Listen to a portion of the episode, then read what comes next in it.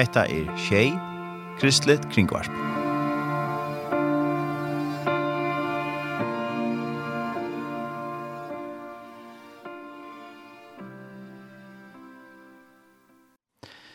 Velkommen til morgensendingen av morgen av Tjei, og her i Udorsson er Tør Erne Samuelsen, og vi er så verster den neste tvær timene her. Vi får miste skrønne, vi får få gjester i Udorssonen, fra Youth of the Mission, og vi tror jeg verste. Og vi får høres nøyre tånleik, og sånn det har vi det sms-kipene til dere som er åpen, her de kan skrive inn til dere. Hvis det er noen kravimersing, spårningar, eller ganske kolossenskje, så er det velkomne å skrive av 524, 224. Velkommen til det. Vi får høre Marsten and the Revelators, vi sanns noen min vi også.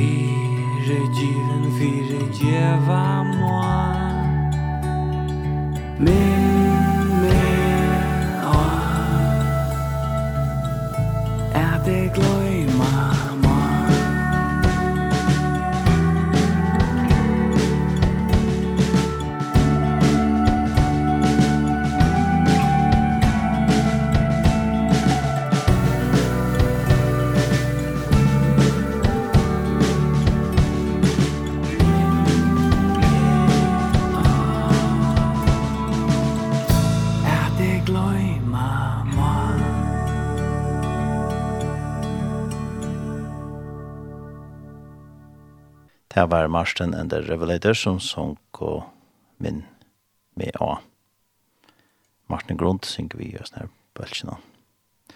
Og nu har vi så finnet gester her i Udorsona, og de kommer fra Youth of the Mission, unge troverse, og til Abraham Dalsløy, som arbeider vi unge troverse, er her i Østene, og så vi færre Østene at ta sig förrest och där vi omsätts till förrest till morgon. Eh, velkommen, Abraham. Tack för det.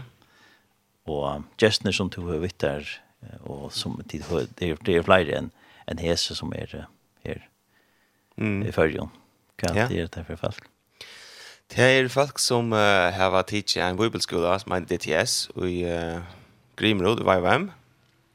Och det är kommet her som parsta deres skola att var det som jag kallar för outreach, eller ett missionstur. Mm.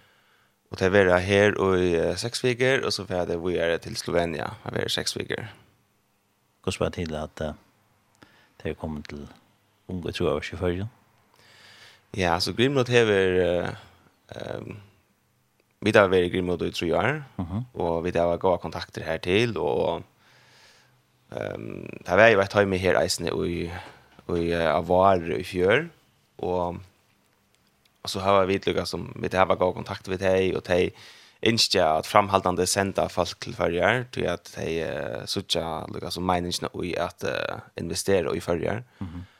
Och vi känner alla väl lärarna här och tror jag det att vi lycka som eh har att han möjligheten att få att ha mer ska en alla träff från Mara så det är vi då glada för det. Och du som du säger så tog show vidare. Ja, jeg og familien, jeg konan og bøttene, vi tok uh, det gjest her for tre minutter siden. Og arbeidet så vi er 18 år her og i, i tve år. Mm -hmm. Og skulle noen som, uh, som stafeide da. Og nå så, så blir en pastor av om du tror ikke i. Ja, så flotte vi ville ferger i uh, sent sommer og i september. Og vi uh, skulle så arbeide vi er vi uh, Youth with a Mission, eller Onkel Troa verste for førskolen. Mm -hmm. i Färjön. og vi, vi skulle så köra till arbete vi är som Sanna Hammer i inne kvar. Och det här det gleder dere noe til. Og vi er sånn som spekler blir jeg ferdig gang nå, og um, fra neste vik, eller i noen vikskift nå, så får jeg det her en insett han här här Sanna uh, tacka ni som leier, och vi takker, tacka in som, som leier. Mm Spännande, ja. Ja, ja, vi gleder dere noe til och av var där i skolan och hur så vet det? Det kan. Det var det var ölla spännande. Det var man lär eller nej man lär skolan handlar om att lära om man blir en lärare till Jesus så och så har det ju imiska evner för viker så man man man får eller djupt in i de imiska evnerna i bibeln så det er, det er spännande och og veldig givande Och det var lukka som och i tog tog in i här att if if vi följde det här att vi ville gärna fortsätta visen här och och i tog tog in vi var i norra som staff så följde vi det här vi skulle att komma till ehm till förjar att köra vi VR i förrun. Mhm. Så så ja till till det är det jag vill gå så vi med allon att gå så omhuxa att ta kan det det.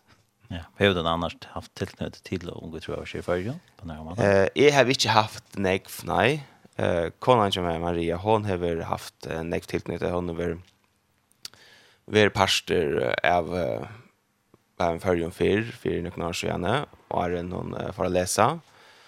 Ehm um, inte alltså det mera mera alltså såna som eh sätta ehm um, som uh, att de känner han och hjälps han och vi är som det är onödiga som bo i och i varje hus någon talar i havn och vi är som pastor av tog kulturen och så här så till fällskapen ja ja fällskapen ja och hon har tills det är S4 och i uh, i Los Angeles 2006 och hon har varit lugga som hon har känt till varje med i nekvar och Jag tog bara en lött till att på som är här.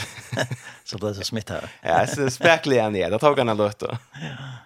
Ja. Men det är en gåsmitta fågel. Ja, det var det. Det är en gåsmitta. Det är ganska rånst att snacka om smittor i sin döv, men det var en gåsmitta. Just det. ja. Så det har gott. Och så mm. jag kunde förra gång till förrjön vis till arbete och mm. på firefackla till arbete till, till det gått. Ja. ja. Spännande. Ja, ja, vi får höra mer om, om arbetet till kom. Visst ja. det är hälsokurs till en tjej. Det är Men vi får höra prata vid Jessna Joe gestene til henne. Og vi får ta oss engst, og så får vi ta. Så det er godt. Det er alt at du kom til. Takk for det. Uh, now we have guest, going to talk in English. Yeah. Yes. Welcome to our radio station. Thank you so much. Thank you. Yeah, it's fun being here. Yeah, and uh, maybe you introduce yourself and tell Absolutely. your names. Yeah, I'm James from the United States. I'm from the upper left corner of the United States, Washington State and uh, happy to be here. Mm -hmm. Heter James, jeg kommer from USA, og jeg kommer the det the venstre suje av USA, or jeg glad. Yeah, my name is Mairu. I'm from the Netherlands. I'm from the north of the Netherlands, and I'm 17 years old. Jeg heter Mairo, jeg er fra Holland, og jeg er fra norra parst av Holland, og jeg er 16 år gammel. Maybe you can tell um, a little bit why, why you're in the Faroes and why you are with YVAM. But you start, James. Yeah, absolutely. Um, so I'm a staff at Grimrud in Norway, the YWAM base, uh, just an hour outside of Oslo. And um, I did a DTS um, in Kona, Hawaii about a year ago, a little over a year ago, is September of 2020. And it was uh, interesting. It was right when COVID hit. I was going to be going in April. And then April DTS was canceled. July DTS was canceled. They ended up running one in September. And right upon arrival, we were quarantined for 17 days in one room, couldn't leave the room. Uh, so it was a it was a great start to my YWAM experience.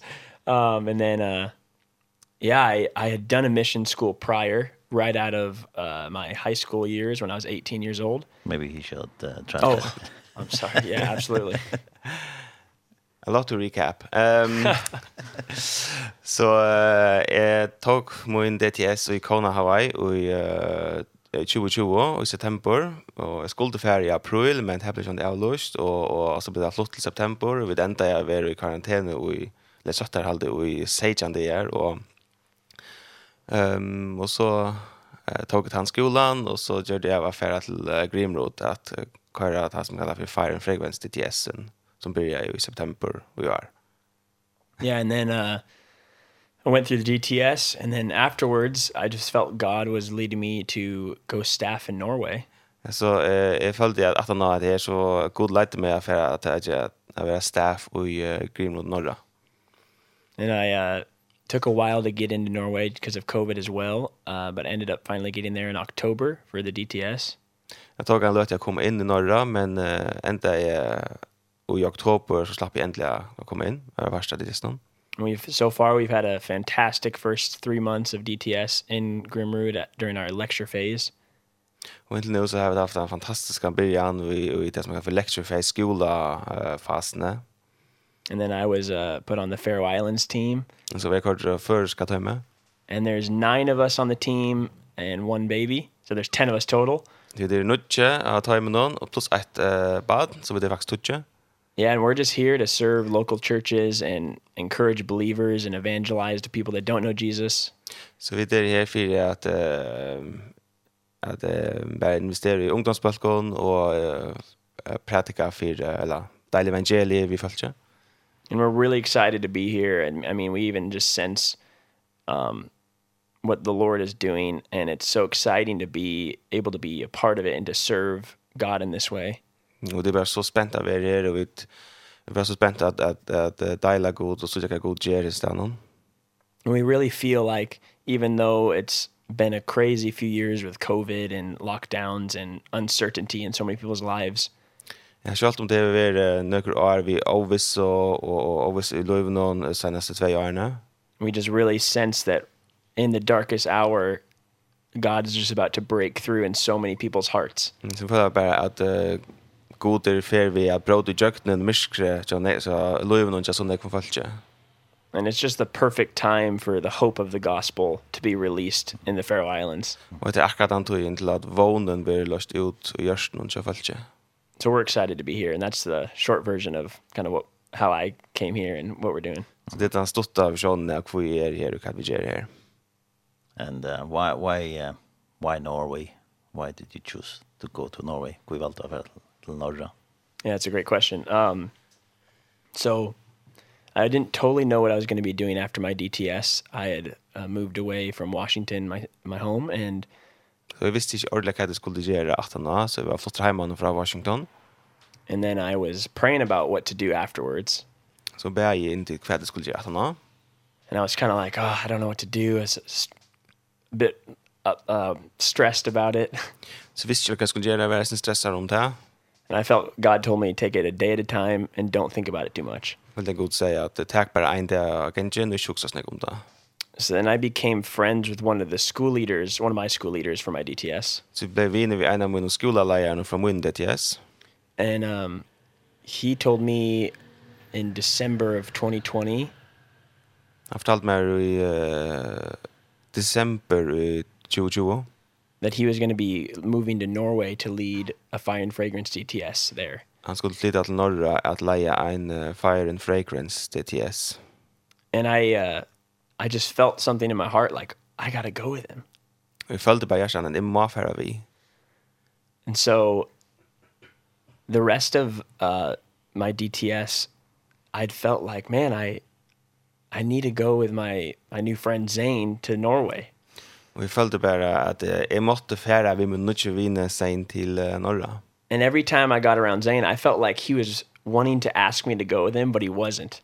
Jag følte at uh, han ville spyrja meg affära, men det gjorde han bare ikke. And then about two weeks into my outreach phase of my DTS. Og så tver veckor att, uh, att när mitt uh, outreach var börja.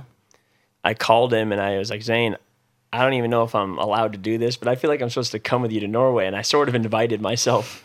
Så jag vet inte om jag har låtit lägga det till, men jag följer att jag ska komma vid norra så jag faktiskt bjöd mig själv. And he said, bro, I've been wanting to invite you. Så säger han, jag har yngst att bjöd där. But I had uh, submitted the names of the people I felt led to invite to some of the other friends he was going with. Sorry, one more. No, I, he had submitted and uh, given the list of names of the people he wanted to invite with yeah. him to Norway. Ja, yeah, so to... han er, han är given listan över hem någon som man att läsa så att tacka vid till norra. And everyone else on the list they were like, "Yeah, ask them." But when they said saw my name, they felt like God told him to wait to ask me. så att ehm det följde jag sen här att att alla listan och sätta jag spyr men att det kom till mitt namn så valde det hellre här och skulle boja. So then God was doing something there. We, like, as I knew he wanted to ask me, and I felt like I was supposed to go. Det good George ett land. I felt that att, is det to svårt att färra och att, uh, was uh, det var god som. And something God had been speaking to me about before I asked Zane was that I'm not following uh, any man or ministry. Ultimately, I'm following the Lord. Ja, og det sier sånn at at det er kjempelig så så fyllt jeg god, jeg fyllt ikke noen mann i den grunnen til jeg er tjenest so it was very interesting how my invitation kind of came more directly from God rather than from any one specific man. So min inbjóðin kom beinleis fra god og ikke fra noen personer. So that's uh how it started. that var så it started. And um going to uh DDS uh, and and church and and Jesus and stuff like that uh, and that your testimony what, what how was that? hur hur ser det vi att för det är så för på skola och Ja, så jag just sort hur ser det till det.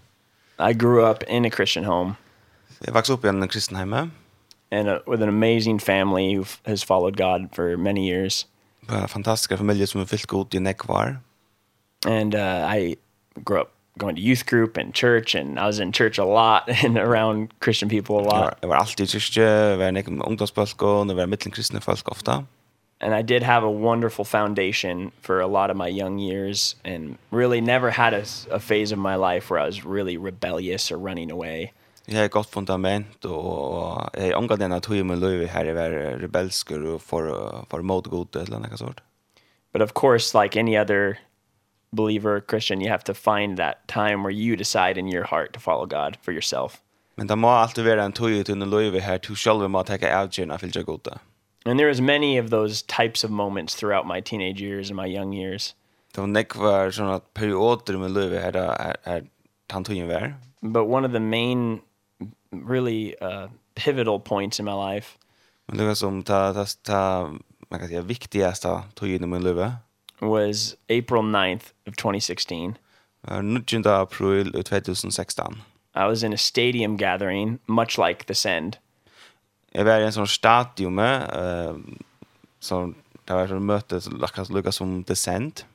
And it was in Los Angeles in California, and me and my dad went to it. My dad just felt like, oh, we got to go to this thing. Det var i Los Angeles, så pappa min følte bare at vi måtte för at det är ett läger. And I had been to many of these types of events before. It wasn't very unusual for me to be around kind of more of a radical expression of Christianity. Så det var ikke noe nytt for meg. Jeg var venner ved å være uh, i en sånn uh, omkvarve her. Det var noe som noe radikal for Jesus. But it really felt, looking back, that God was just leading me to that moment. It was very a divine moment. Men det var alltså ett godomligt ögonblick och just när det var det var också helt härligt vis när ögonblicken där. And there was times throughout that day that the Holy Spirit just touched my heart in such a deep way. Det var tror jag sån här här hade inte bara nast vi med på en helt härlig. And I heard all these young Christians on the stage talking about how they were they were surrendering everything to Jesus and they would go anywhere for the gospel and they would they would do anything to to be a part of God's movement on the earth. Och jag hörde man ekvar som unga som var jag sedan så att jag ville göra allt för Jesus, jag ville för allt, jag ville ge allt sitt liv till Jesus och för det här som han ville ha det för. And there's this moment where in a kind of an act of like surrender to God, everyone took their shoes off and lifted them up. Och det var en sån handling, en sån man kan säga profetisk handling här att tog och skäckvan är det skäckvan i hötta and as a declaration of God I will go anywhere for the gospel I will do anything and I surrender my whole life Alltså man minns på att jag vill ge allt, jag vill för alla ställen för, för, för det.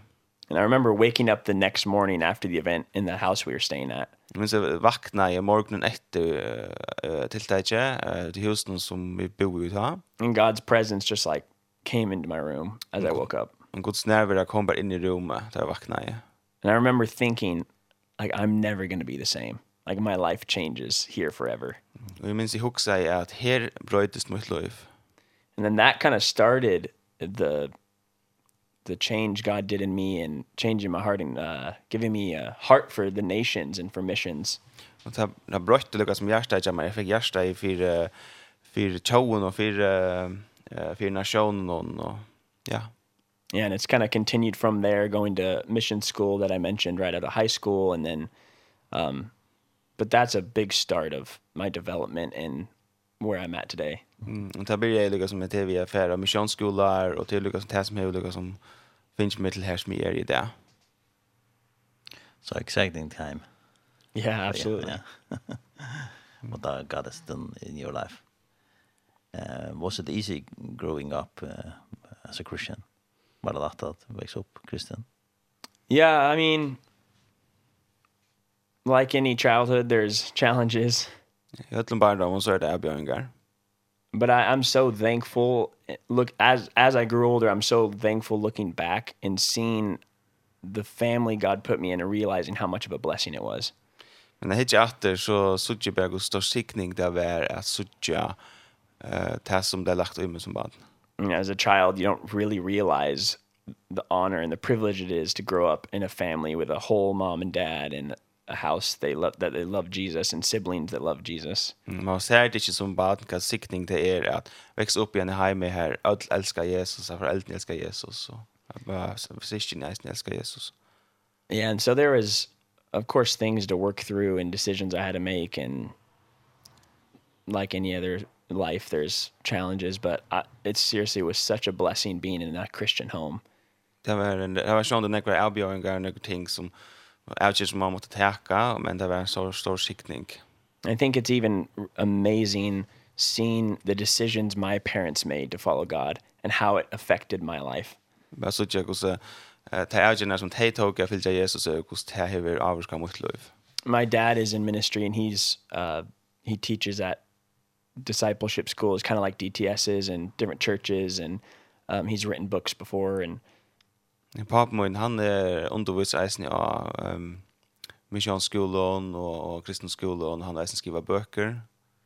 And growing up hearing his story about how there's times in his life where he decided I'm not going to follow the ways of the world and I'm going to follow Jesus. Alltså att uh, höra ta sövnar om hur han har teach out your son love that if it's a filja hem never man filja Jesus. And it's really amazing just seeing like I said that his decision truly affects generations and it his family when he decided that okay for example alcoholism isn't going to enter into my family and I'm going to stop that thing here and just even that decision for example changed my life and I don't even know it like Avger at att eller avgjør som til dømes for alkoholisme, at, uh, at dette skal ikke komme inn i mitt liv. Den avgjøren hever avskan mitt liv, og ja, ja. Yeah, so it's it's really been an amazing journey to see and I'm thankful for it. Det er bare fantastisk. Jeg synes jeg, og jeg er bare takksam for det. Yeah, maybe we shall, uh, uh, before we talk more, we can uh, play some music and uh, you have some song request we're gonna play, play. Awesome. And maybe play a song you requested. Yeah, um sounds great. Yeah, this is a song actually that uh me and my friends recorded in my living room mm -hmm. in April of this last of 2020 and just kind of came out of this season where me and my friends really would seek God in my living room and have prayer meetings for hours and really just get lost in God's presence. So it kind of came out of that place of history in my family's living room with my friends. So it's a special song for me. Så det är en sång som uh, skriver vi 2020 och i stoven i kyrkan och det är en sång som bara kom ut fra eh ut ur omgång faktiskt. Som det inte omgång men att ja, så det er en sång som jag selv har skrivet sen vi vinner och kommer och i stoven. How's it called? Finding You. Ja. Jag finner til. Ja, vi får låta det sånt.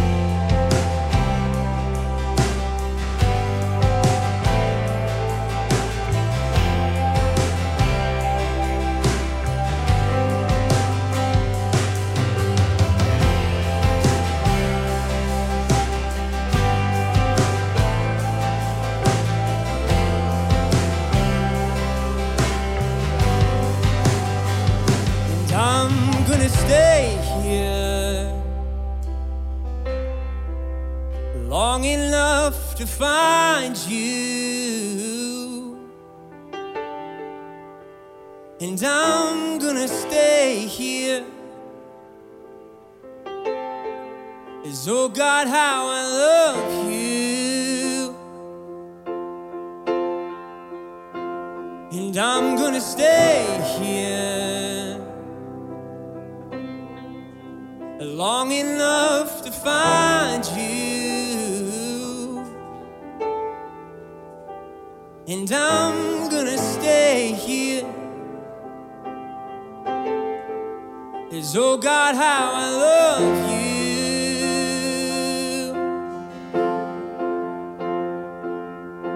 And I delight in finding you. And I delight in finding you. And I delight in finding you Jesus. lose myself in you. I love to lose myself in you. I love to lose myself in you. Jesus.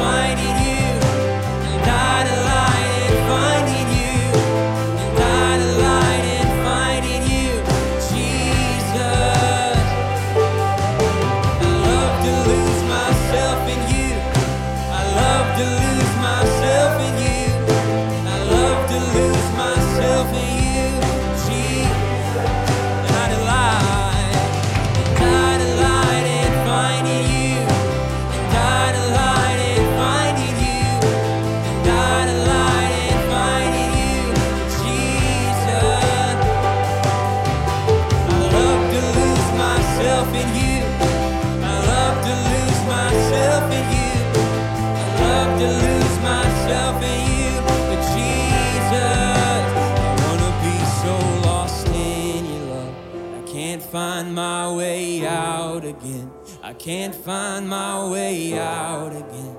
I can't find my way. I wanna be so lost in your love. I can't find my way out again. I can't find my way out.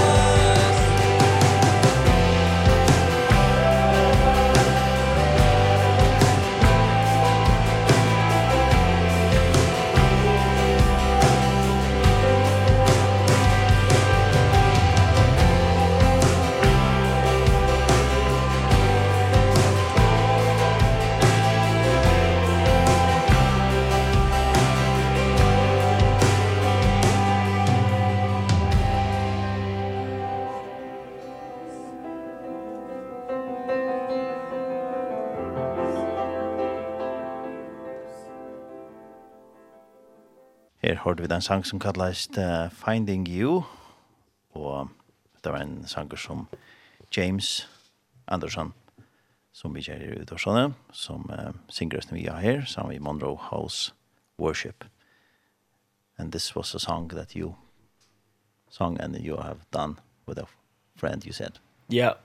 Yeah, it was a song, um, actually my sisters wrote the chorus about 15 years ago on the same piano that it was recorded on. So it's interesting. It was in that living room that we recorded it, and then the other two, two or three parts I had written. Um, and then. Så sen uh, sen sangren han där eh skriver jag faktiskt sist om henne 15 år sedan och han spelade oss hemma eh man piano. Mhm. Ja.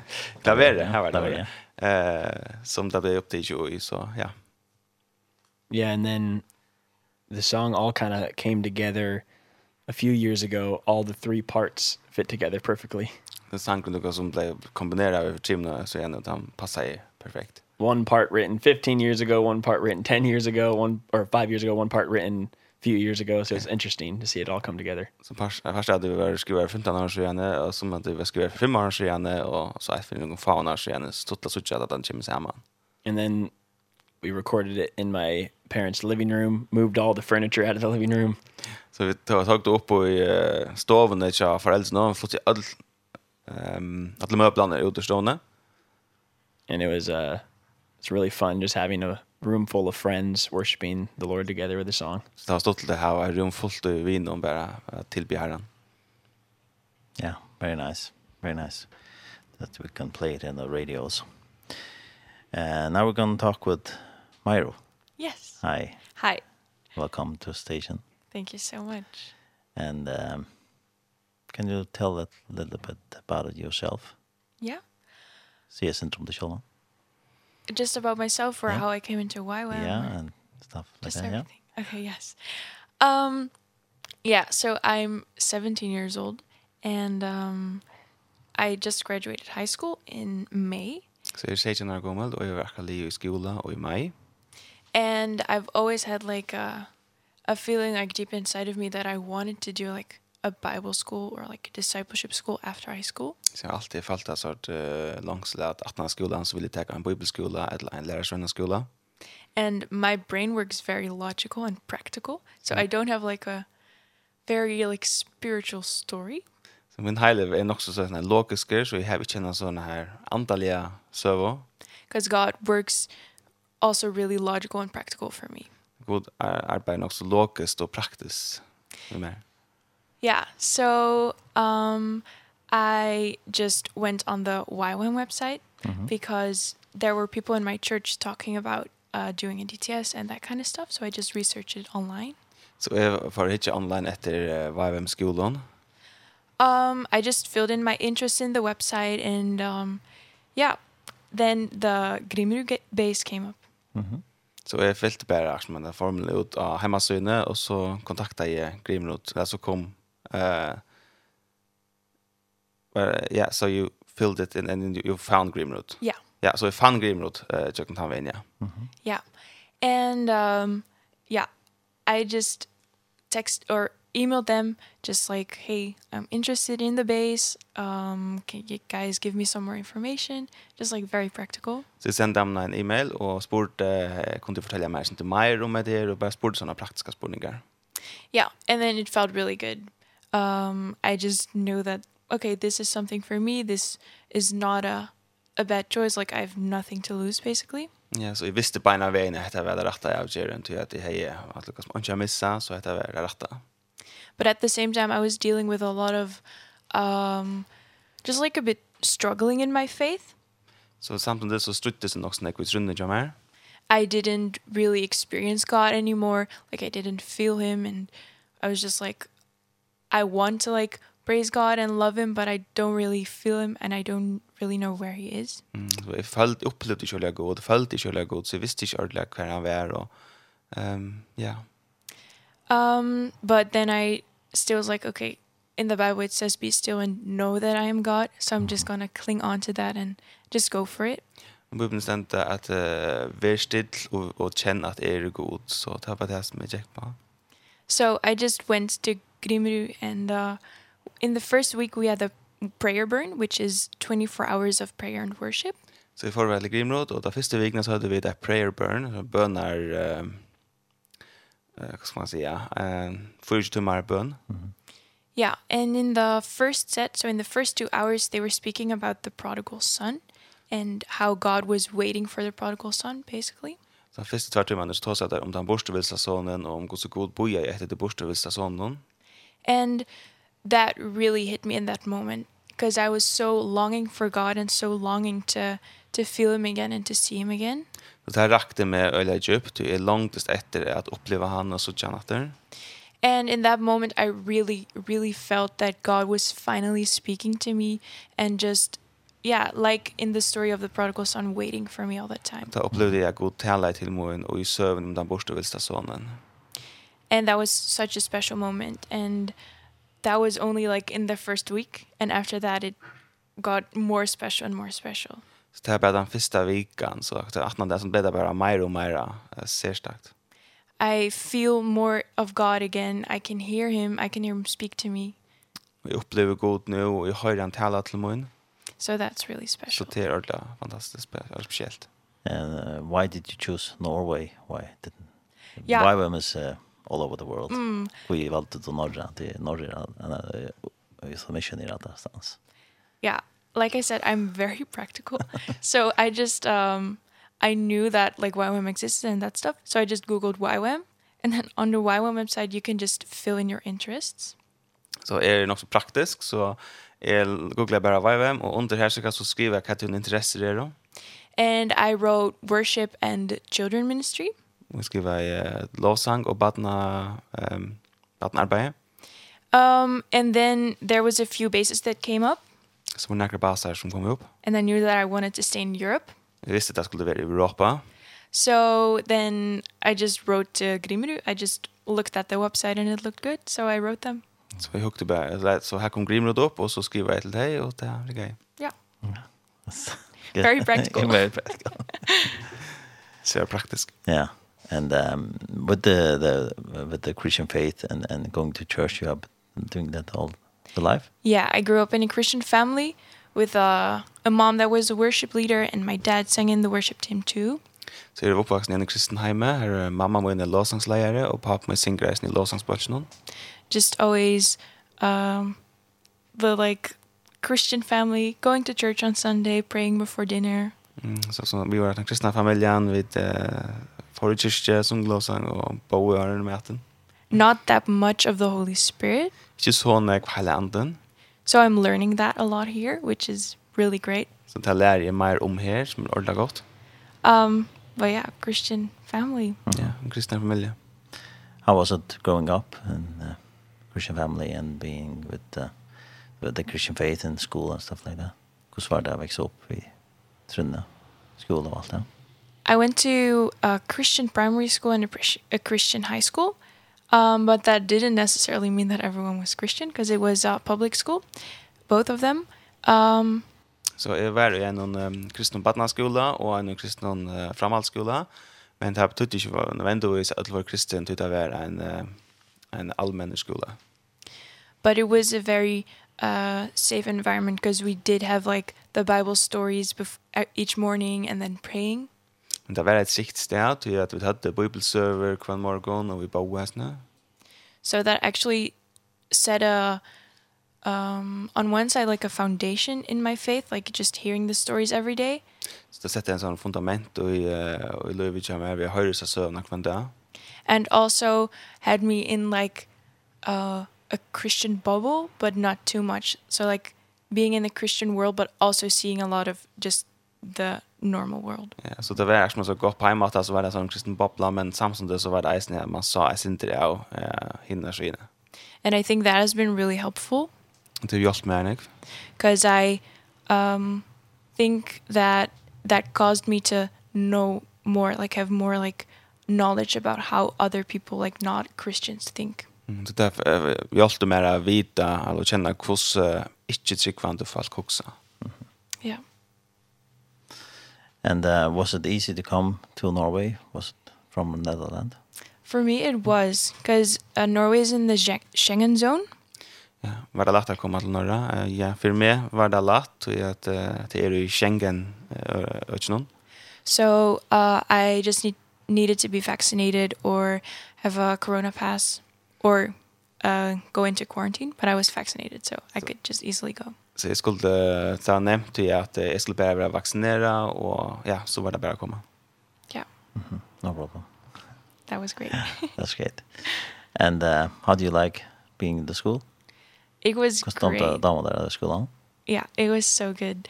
Like I said, it was, there's such a, just like open heaven and I've not been used to like the Holy Spirit and like, having really like open and spontaneous worship. Mm, det blir ordentligt gott ja, det er akkurat som en sån åpen hemma alltid at ikke så øyelig vond ved hele andan men det bare som hade hevet i åpen hemma noen som hele andan som er så øyelig godt. I saw it on YouTube like in videos of like Upper Room or like Maverick City Worship. Jeg har sett det YouTube som Upper Room og Maverick City Worship. Yeah, but I haven't uh like experienced it myself. Men jeg har ikke opplevd det selv. And then I came to Grimrud. Så kom vi til Grimrud. And then it was um, a lot of spontaneous worship. Så var det nekst av spontan låsanger. And I really loved it. Og man dømte ordentlig vel. So that was, uh, it was really good for me. Like, especially the worship was, um, yeah, just like uh, feeding my soul. Det var ordentlig godt for meg, og særlig låsanger, det var akkurat som føje for salene. And then the lectures that we had, in Grimru were super good. I love to learn things. Mm. Undervisning um, in Grimru var en ordentlig god, for jeg elsker at, elsker at lære ting. So that was also really good, just learning about the Bible, just diving into the Word, but also learning about other cultures and missions and just learning a lot. Mm. Så man damer väl lära när jag lære om era kulturer och bara färra djupt i bibeln och att lära mig dem. Yeah, so it was great. Mm. Så det var ordentligt gott. It's different to come uh, be in Norway uh, compared to Netherlands? Is it analyzed over in Norway, Montreal, Holland? Yeah, there was a a bit of a culture shock slash difference. I since I'm culture shock, or since Arwisa. Cuz Dutch people are very direct and just say everything that comes to mind and yeah, just say everything basically. De holländingar är ser att de säger akkurat det som de huxar och säger det som kommer det and that also comes into the humor we like kind of make jokes that are just like maybe just crossing the boundaries like yeah Och det är liksom eisne bäi bäi över humorn och eisne att det är öle direkta och tänka gång du vet inte för jag inte gränserna med humorn. But then the Scandinavian culture is very indirect. So there has been a lot of times where um people were talking to me or saying stuff to me and just like just went around the point like mm. never getting to the point. så också skandinavisk kultur är mer som odirekta och det var ofta när jag fast kom snacka i med och det snackade lite som runt om och många det som bänt till sätterna. So I had to kind of get used to that and sometimes it was a bit frustrating. Måste jag vänja mig vid att det var för inte frustrerande eller tog. But it's also um so helpful to like learn about different cultures and also see what can I take from this culture? Because mm -hmm. sometimes Dutch people are too direct. So we can take some of the Scandinavian culture for sure. Mm -hmm. Men det är sen gott att lära mera kulturer till att onkel då kan holländska kulturer vara sin och så direkta. Och så det gott är sen att uh, lära för den kulturen att So it's definitely been very like mm -hmm. I've learned a lot from living in Norway. Så jag har lärt nek av att jag bor i Norge. And now you're in the Faroes, is it different than in Holland? we have been in quarantine. Yeah. So uh, we haven't really seen much people. Um but yeah, so I don't know. I'm very curious to see how the culture here is. Like I've seen that it's very like um like island culture just like mm -hmm. not being super strict with like time and that kind of stuff, which I'm Indonesian and Dutch, so I've like both cultures. So I can be I know what it is to be on time but also so, uh, ja, oh, yeah, sorry. så vi där vi sätter halt det lucka nu så det vi vi det har ju ordla vi i mitten falka än men alltså så där som som vi har upplevt här så ehm um, så så är det en sån ehm um, ocha samfella eh men är själv så indonesisk holländsk så ehm så är det inte mer vad vi heter ganska.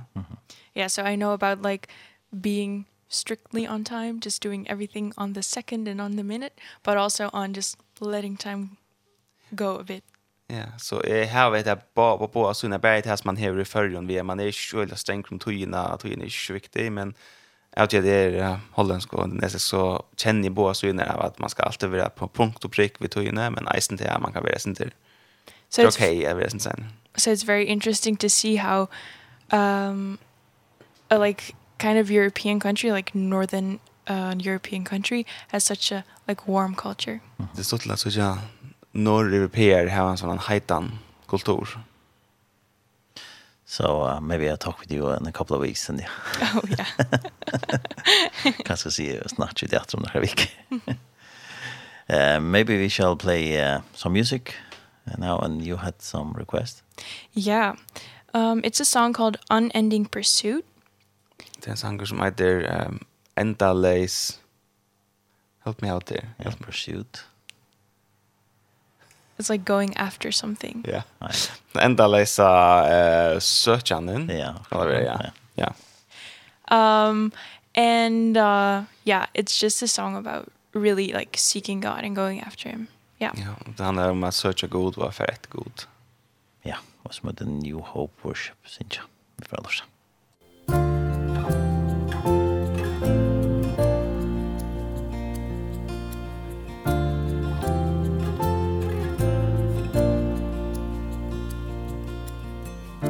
I don't just find you on the mountain But in the earth below.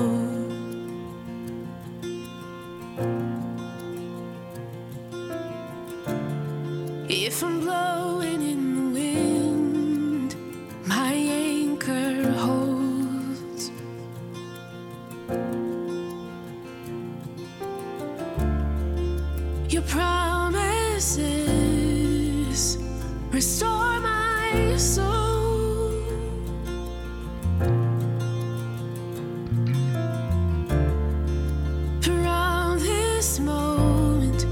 the color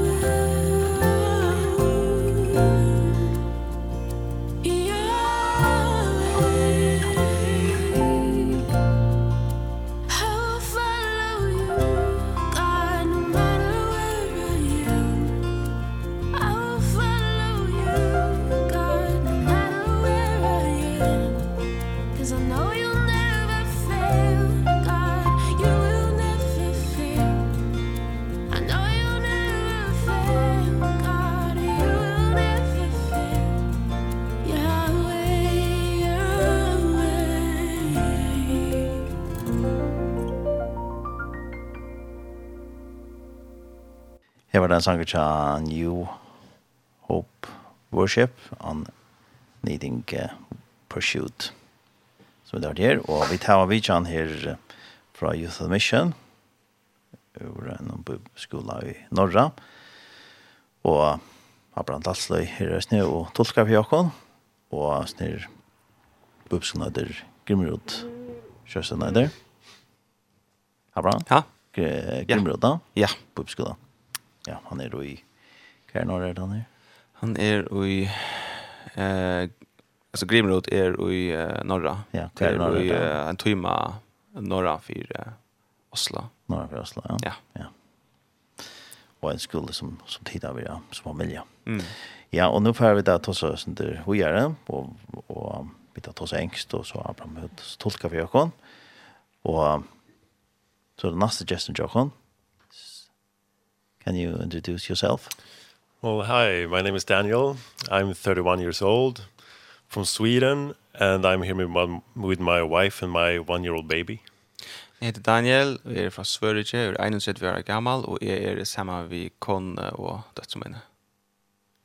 And uh, can you tell a little about uh, why you went to YWAM, why you went to YWAM, hvor you du til ferdig vi, vi Well, basically I met my wife uh, six years ago and uh, both of us since we were in the teens uh, we longed for going to Bible school.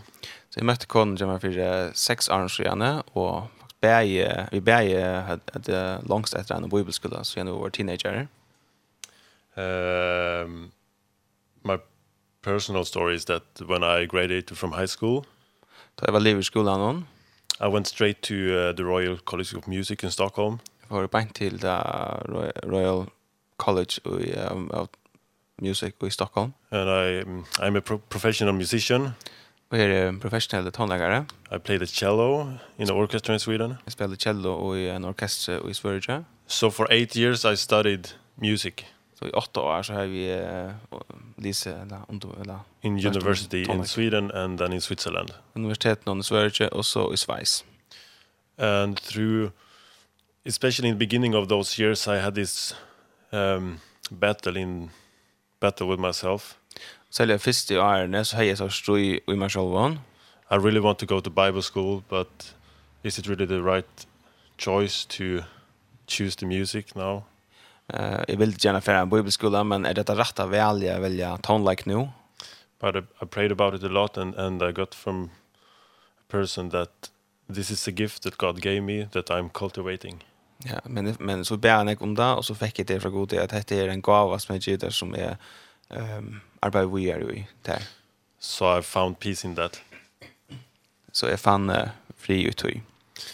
So fast forward um, some years to 2016. Så spådde han noen år fram til 2016. Uh, I met my wife, Paulina. Så møtte jeg konen som Paulina. Which in itself is a really story of God's grace. Som i seg selv er en søv om Guds nøye. And really a prayer answer. Og eisne bønner svær.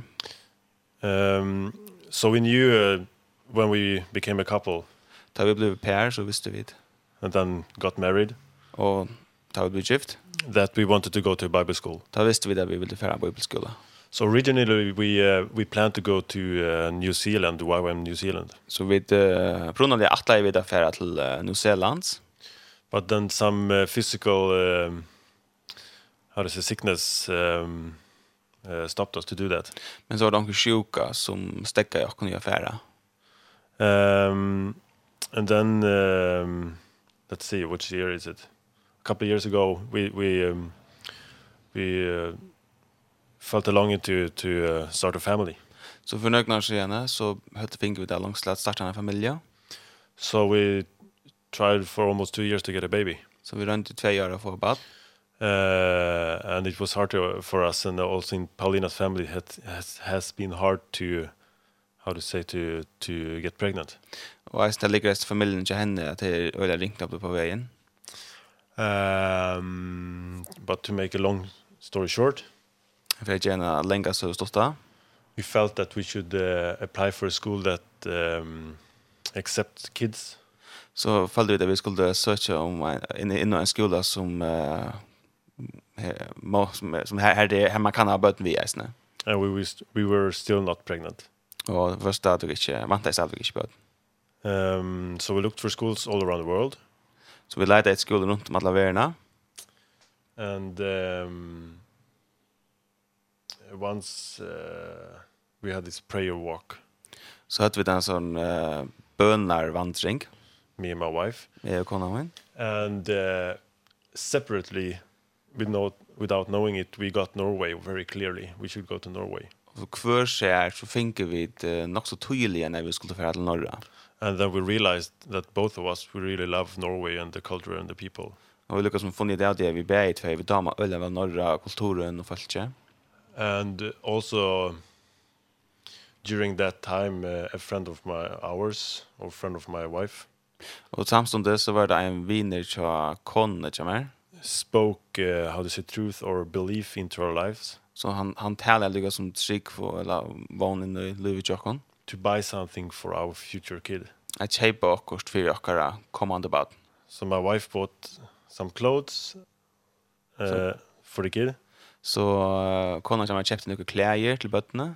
And, and also um, how to say um, a wallpaper. Och en um, ja, yeah. was att um, Ja, text on let you put on the wall. Plakat eller så. Ja, nej, jag har alltid det mer att här som man men det vet ju vi. Tapet. Tapet. Ja. Okej, poster ja. That says eh plakat och så där. Eh God's gift. Ja, en plakat här där ständer Guds gåva. Ja. So um four months later we found out that we were pregnant. Så fyra månader senare så fann vi ut att hon på vägen and uh, finally decided to name the baby Nathaniel. Og vi uh, valde att köpa bandnamnet Nathaniel. But that was when he was born, so... Det var han var fötter. One year later from when she bought the poster. Det var etter, efter vi hadde kjøpt det her plakatene. And when we checked... Uh, after he was, when we, when after some weeks later when we, we uh, wanted to try um, find out uh, the meaning of Nathaniel Og jag syns att nu så får ni det där navnet Nathaniel. And it's God's gift. Det er Guds gava. The same that's on the poster. Det samme som stender av plakatene. So um we got pregnant and then we um planned to go to Grimerud uh, already uh, 2020. Ja, yeah, så hun ble på vägen och det langt planlagt affære til Grimerud i 2020. But because of COVID and because of the pregnancy, grunn corona og graviditeten hon. Um, we decided together with Greenwood staff that to, to go instead one year later. Så valde vi samma vid Greenwood uh, staff hon, at bo i ett år. And uh, we actually, the year before coming to Greenwood, had uh, struggle and battles in more or less every part of our lives. Och med ett år, år när vi kom till Greenwood så hade vi lyckats med strå i ödlom parten av våra livet economically, uh, psychologically, physically. Futsjaliga, salaliga og fysisk, liksom. Spiritually. Antaliga. Uh, but we never had any doubt that we should uh, to, to go or not to go. We, we were sure that we should go. Jag vet Iva är omgående ju vi skulle färra, vi visste vi skulle färra. And uh, this past month has been such a blessing for our whole family. Och senaste månaden har vi en stor välsiktning för vår familj and though our son will not remember Sjalt om sonen drakk ikke for å minnes det der. It feels so good to, how to say, soak him in this uh, whole environment. Du føles så godt at du som at soka inn et her uh, omkvarve. It has been such a blessing for us to be in uh, among so many good friends. Det har vært størst velsignelse å være i middel som jeg viner. And we could not imagine how well taken care of we, we would be. Jeg har inte förstått hur så vel at du ble tidsen hånd om.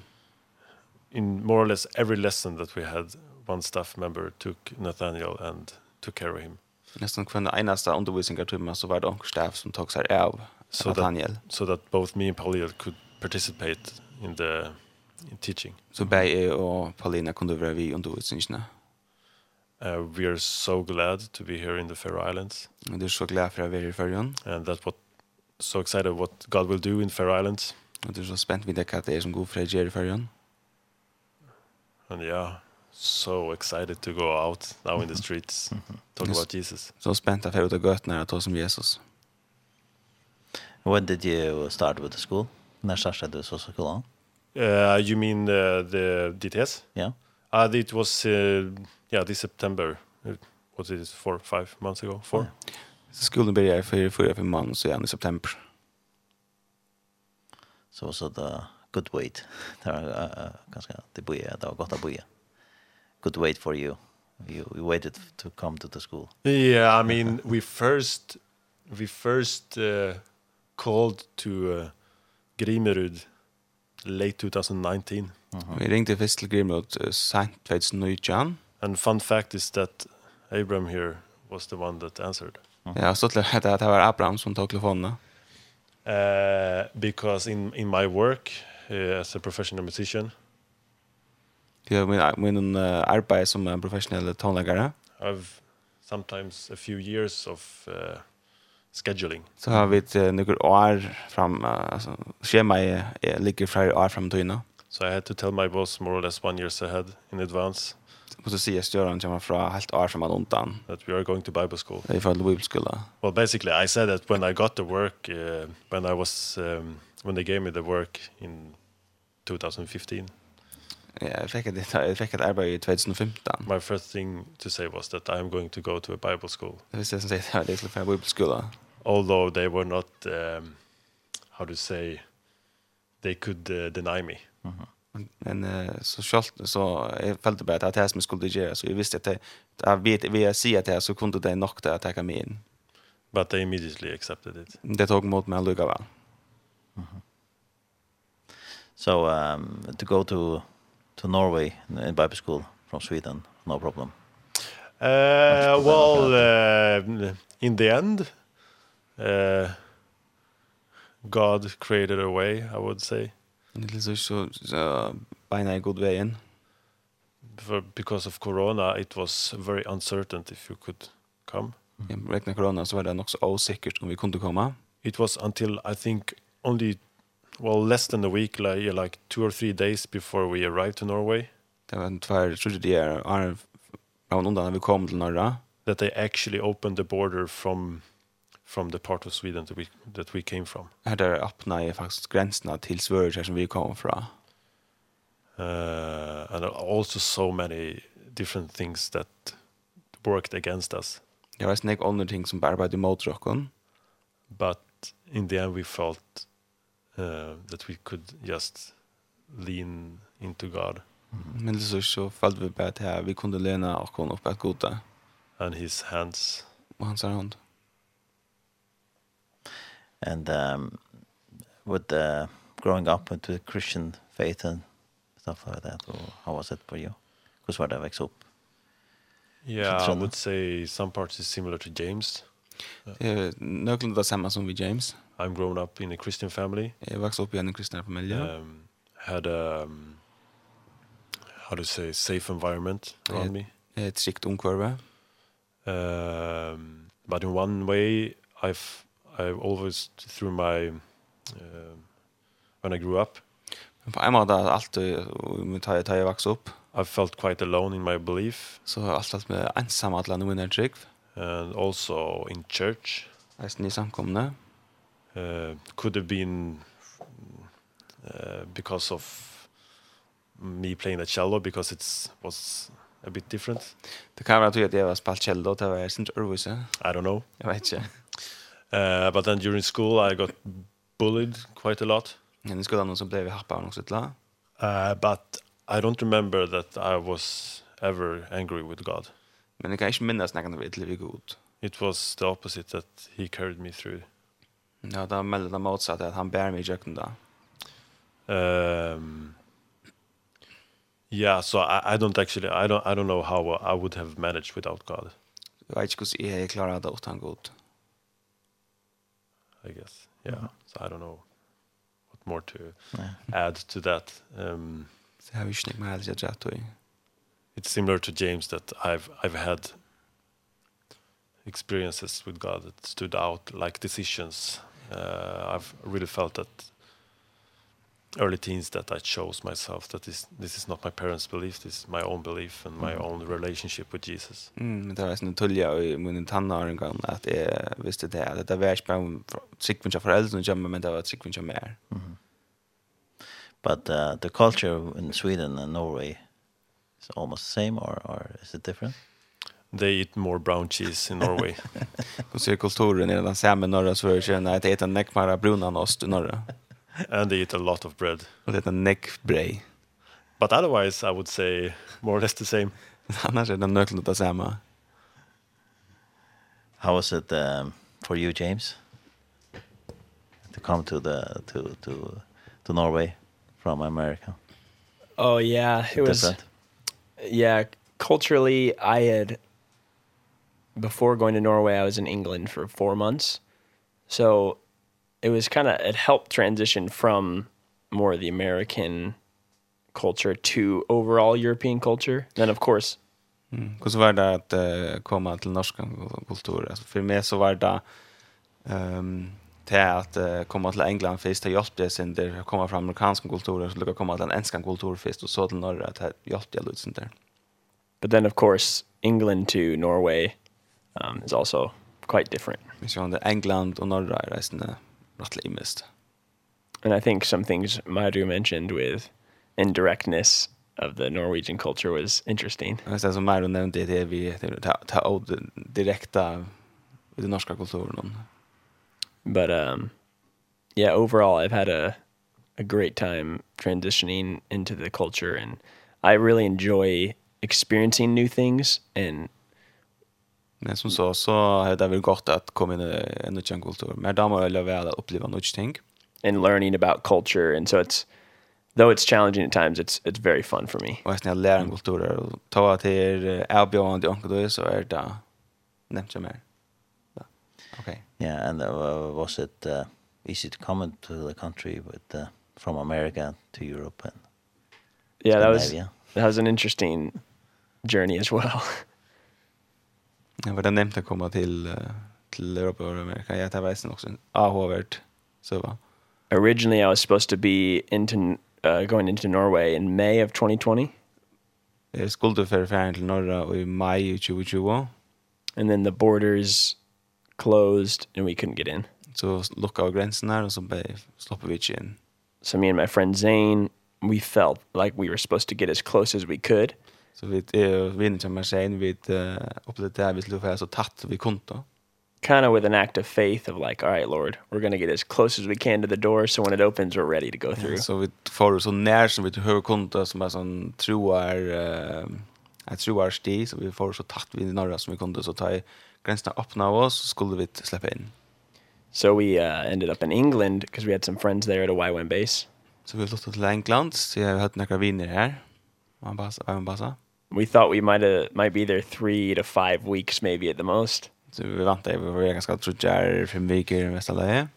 And then surprise, COVID continued and the yes. borders continued to be closed. Så corona blev verande så gränserna blev vi över stångt där. So we ended up staying in England four months. så vi ända jag var i England i fyra månader. And uh it was actually quite a miracle that we were able to find a way in as Americans to Norway det var faktiskt att under det vi som amerikaner slapp in till norra. We found out that if we got vaccinated in the UK and got the QR code COVID pass. Från det det hvis vi kunde få eh uh, så blev vaccinerade i i England och fick så QR-koderna.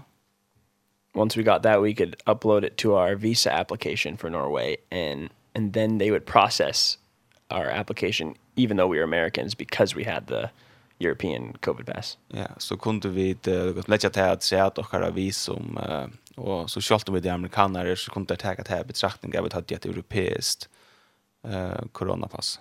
So it was definitely an interesting journey and it tested my faith more than anything else in my life. Det var en AH-värd, AH-värd turer och det här rönte mun att sig för mig än näkanna at times we were like we felt kind of crazy like all right moving across the world don't even know if I'm going to get to my final destination but we're going to go for it. Ja, och det här vi att uh, bara färdas där och vi vi kommer fram men vi färdas bara. And our original plan in England we're like all right we're going to go and we're going to pray. Och då låt mig att visst här vi vi färdas och så ber vi. And then um yeah, God really he used it and he we met so many amazing people and made so many amazing friendships and along the way. So it's it's been such a fun journey. Så vi två och det var en, en spännande tog, fantastisk tog. Vi mötte någon gång folk och det var ordentligt, ordentligt spännande tog. Go fair. So you didn't have the vaccine uh, in, in America, so so you did it in England. So they think the vaccination in England instead of America. Yep, it, it it worked out that I didn't have it in America yet, so then I could get it in England and at all. God God knew what, what needed to happen. Så det är inte vaccinerade i Amerika så ta tar en värld i måste få det i England så här öppnar jag goda snäna hor. Yeah, it's very nice to hear all of you and um maybe we'll play some music before we talk more. Awesome. And uh, we had some request. Maybe Daniel, you had some song? Well, yeah, I heard that um, the Swedish rapper Sebastian Staxis has been here in Fair Islands. Yeah. Yeah, couple years ago. Svensk rappare har vi varit här. And I'm actually playing in this recording. Så jag spelar vi ju här upptökningar. So I am the one that plays the cello. Så det är det som spelar cello som sanns där. This text is also very good. Yeah. What you what can you it's, say about uh, it? More or less it's called Berlin murar och Eiffeltorn. Det är Berlinmurar och Eiffeltorn. And um, let's see how if I can translate this straight. Uh, no matter if I fall down as hard as the Berlin Wall. Om jag så fett att lycka hash som Berlinmuren. Or aim as high as the Eiffel Tower. Och jag är stött vid Eiffeltornet. Uh, without you I'm lost. Utan det så är det vilster. Ja, då kan listen to it. Vi får. Du tog luften rakt från mina lungor. Allt är över och kvar finns våra skuggor. Men jag ser allting klart så fort jag blundar. Har gått igenom tusen tunnlar. För att uppleva det, det som en gång fanns. Känner pulsen pumpa snabbare där i din famn. Ta mig dit, bara vi, vi, vart som helst. Hjärta tusen bitar, bara du kan laga den. Hela livet har jag letat efter någon som dig. Men jag måste varit blind. Man tittar aldrig efter det som finns rakt framför sig. Tills man förlorat allt det vackra som finns. Jag kan falla hårdare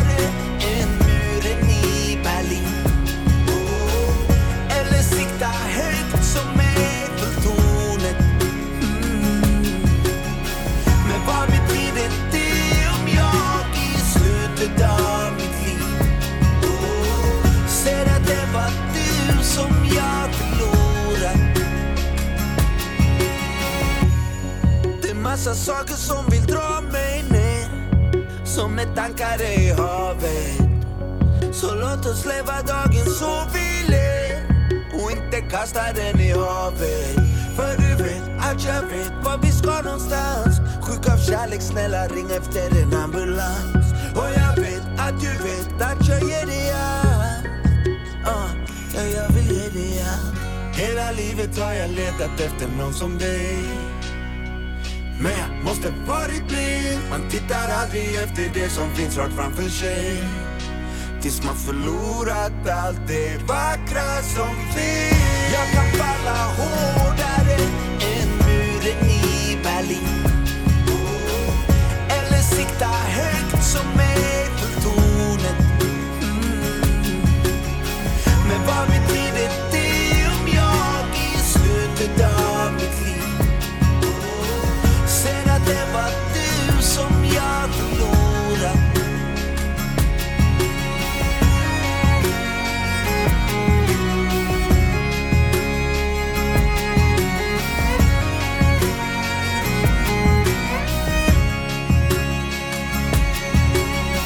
Vill inte ångra. Det är så jag alltid gjort. Vill inte missa allt det goda för jag saknar mod. Det är det jag lever för. Det här jag satt min tro. Därför sattes mina fötter ner på denna jord oh, oh, oh. Du hämtar himlen ner till mig oh, oh, oh. Ingen som dig Så även om jag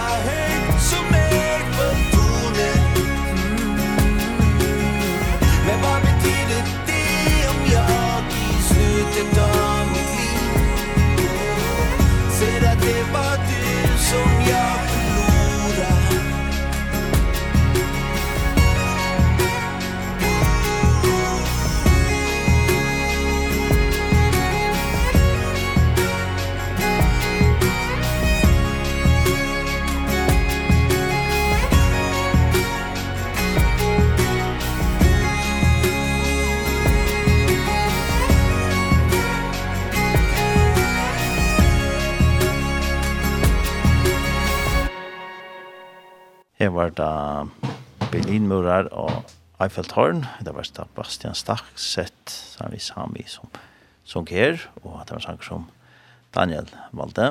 Og vi tar vidjan av Youth Admission, og vi tror av verset, og Abraham Dalsløy har vi tolka for åkne i det, og hvis de tar eh, ganske krimersing eller et annet, til deg eller spårning, så er du velkommen til å sende et sms av 524 624. Velkommen til deg. Stier. Um, yeah, we talked about uh, different culture and being from different countries, but uh, coming to Norway, uh, like you, uh, Myro, uh, uh, was it uh, different from Netherlands to the food and stuff like that? for eksempel. Ja. Og det annerledes at komme til, til uh, Norra fra Lømmes Holland. Vi er med at det, så. What Daniel said is uh, the Norwegians eat a lot of bread. Mm. And we as Dutch people also eat bread. Uh, pretty, like, we eat, we eat it two times a day. So, like, lunch and uh, breakfast. But then in Norway, we also had a supper. So we had four meals a day. Mm, so... Uh, det är nökligt att det samma vi och han säger att vi det är sån där bra i Holland men det det är ju fyra måltider om dagen så det är ett morgonmat lunch och så isen eh kvällsmat. Mhm. Resten brei. So that was one time a day of more bread. Det var en brei måltid jeg tre om dagen. And then bread gets really tiring. Man blir nok tröttare av brei. So it was great. It was awesome. But um after a few weeks we tried to do something with like tortilla wraps. Men det var fina slä, men att några veckor så runt vi det görs inte mer variation vi tar tortilla um, pannkakor. Mhm. And uh, yeah, just maybe eating some noodles instead of bread. Och runda utan nudlar stäng för bröd. But it was uh, such a fun experience to see how other cultures are even more dependent on bread. Det är så till att såg jag hur är kulturer är uppe att mera avhängig av breje. Ja, it was fun. Det var stolt. How was it for you, James? With all the bread? Hur var det sig där, James? Vi breje? I just want a vegetable. yeah. Give me a carrot. Sakna jag grönsaker. Jag ger mig en godare hot. There was definitely um, so much bread. Ja, so much brei. And yeah, I mean, Lots of brown cheese, like Daniel said. Brunost. They also have caviar in a tube. Det var är en kaviar och en um, ja, och vad kallar man en tube? En en röra. Ja. And uh if I didn't know better, I, I would think it's toothpaste maybe. Helt ganska det var tampos, det tandkräm. But uh I find myself I found myself actually liking the caviar in a tube. Men fan det att man dömde fast också var kaviar och såna där. So it's a bread, caviar in a tube, brown cheese. Brei, kaviar och en röra och brunost. It's been fun. det är förstått lite. But I still want that carrot. Men saknar goda rötter.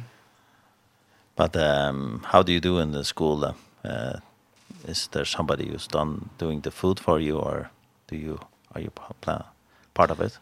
Um, er det part av Jeremy Atlukus the Sholva? So we have um, different duties, work duties. Så det har lukket som arbeidsoppgaver. And we had a schedule on uh, who sets up breakfast. Och det här var lukket som schema, så kvar det som Jeremy har maten.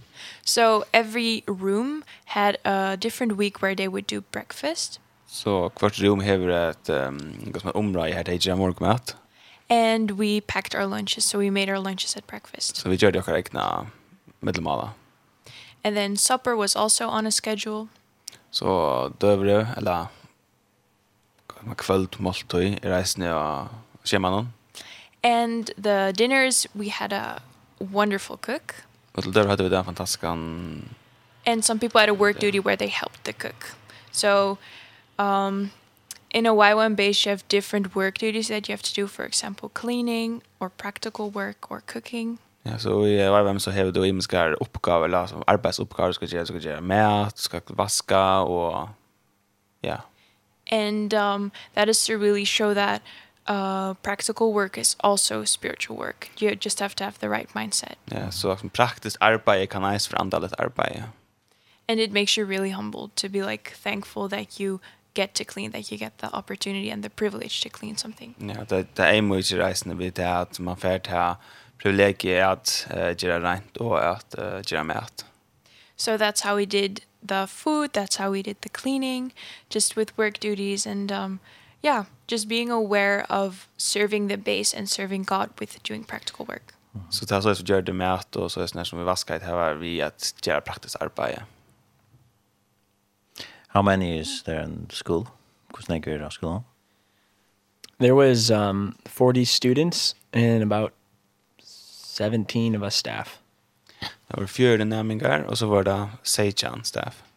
And there originally we were going to have a school of I think it was going to turn out to be about 70 people. Så på var sätt så skulle det vara 70 nämningar. And that was international from the whole world, but then with COVID, it was ended up just being European students. Mm. Ja, det var ett läsning vi internationella studier från alla ställen runt i världen, men på grund av corona så blev det bara europeiskt ju nämligen. Where where are they from? Where are they from? Um we had how many nations represented like Norway, Sweden. Yeah, Norway, Sweden, Denmark, Germany. Oh gosh. UK. UK the yeah, um, yeah, we probably had about 10 nations. Det är cirka en tutsch shower till norra Danmark, Sverige, Tyskland, England, Holland, Finland, Finland. og sånt där så. Ukraine. Ukraina. Yes. How is it uh, being with so many different nations in a Bible school? Jag kusera vara sammen från Nekonim skolan. It was so fun to because I've always been in the Netherlands just being with Dutch people basically. Så jag har öliga stått lätt. Jag är van vid att vara i Holland, det bara samma vi Hollandingen. And now you have uh, different languages, different cultures, different backgrounds. Jag har knappt ja imiskar um, ja, imiskar mål, imiskar bakgrunder och imiskar kulturer and it was so fun to learn about different cultures and then see how your nationality and where you come from, where you've been raised kind of shapes your personality too. Det är så att lära om era tjoer, om era kulturer och att man ser hur det här som du har varit uppvuxen till formar till en kultur. So yeah, very, very, very fun and interesting. Det var sera stottlet och avhåvärst. And then all for you uh, being a family with a kid, har sett hur ser det att vara som en familj och hoppat nu. How it's on why when with the yeah. kid? Mm. Well we are so blessed as I mentioned before. Um Ja, yeah, uh, Gustav er her. Vi der ser av alsikna, ja. We were prepared to get a room in the corridor. Vi var, vi var fyra ganger få et, et lite rom vi en gongt. With all the other students. Vi alle hinna nemlig noen. But graciously enough. Men så gav vi meldelsen det året. They gave us our own apartment. I think akkurat egna leilighet. Uh, and also for other students, I think that was good. Jeg synes for hina nærmengene så var det her godt. Because the baby wakes up in the, during the night. Etter badene vaknar om nottene. And uh, yeah, that was one part that was really a blessing for us. Så tandparsten var en stor valsikning for Jokon. And also, as I mentioned, we, we got a lot of babysitters. Vi fikk nekva babysitter. Eller bara. So of course it it has been very intense. So they were sehr intense. But we not at all regret it. Men vi ängrar det ikke. And as you mentioned that it was a boy, yeah? Yeah, Nathaniel. Nathaniel. Yeah, Nathaniel, yeah. And um, how old is he now? Well, one year and, well, basically 13 months. Han är 13 månader gammal. So no problem to come with a, in a Bible school with a baby. No. Ah. No, no. Det er ikke problem å komme til bibelskolen med en vatten. I would say the opposite. Jeg hade sett det motsatta. He has been such a blessing for everyone. Ja. Yep. Han, han er varit en stor välsignning for öll.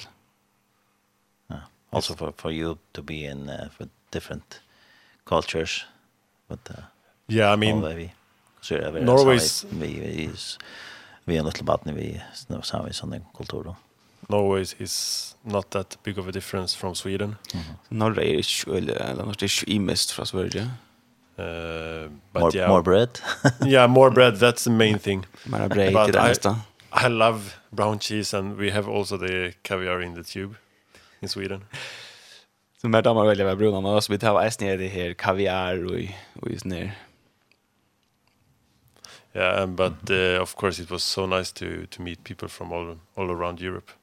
Det är stort att möta folk från hela Europa.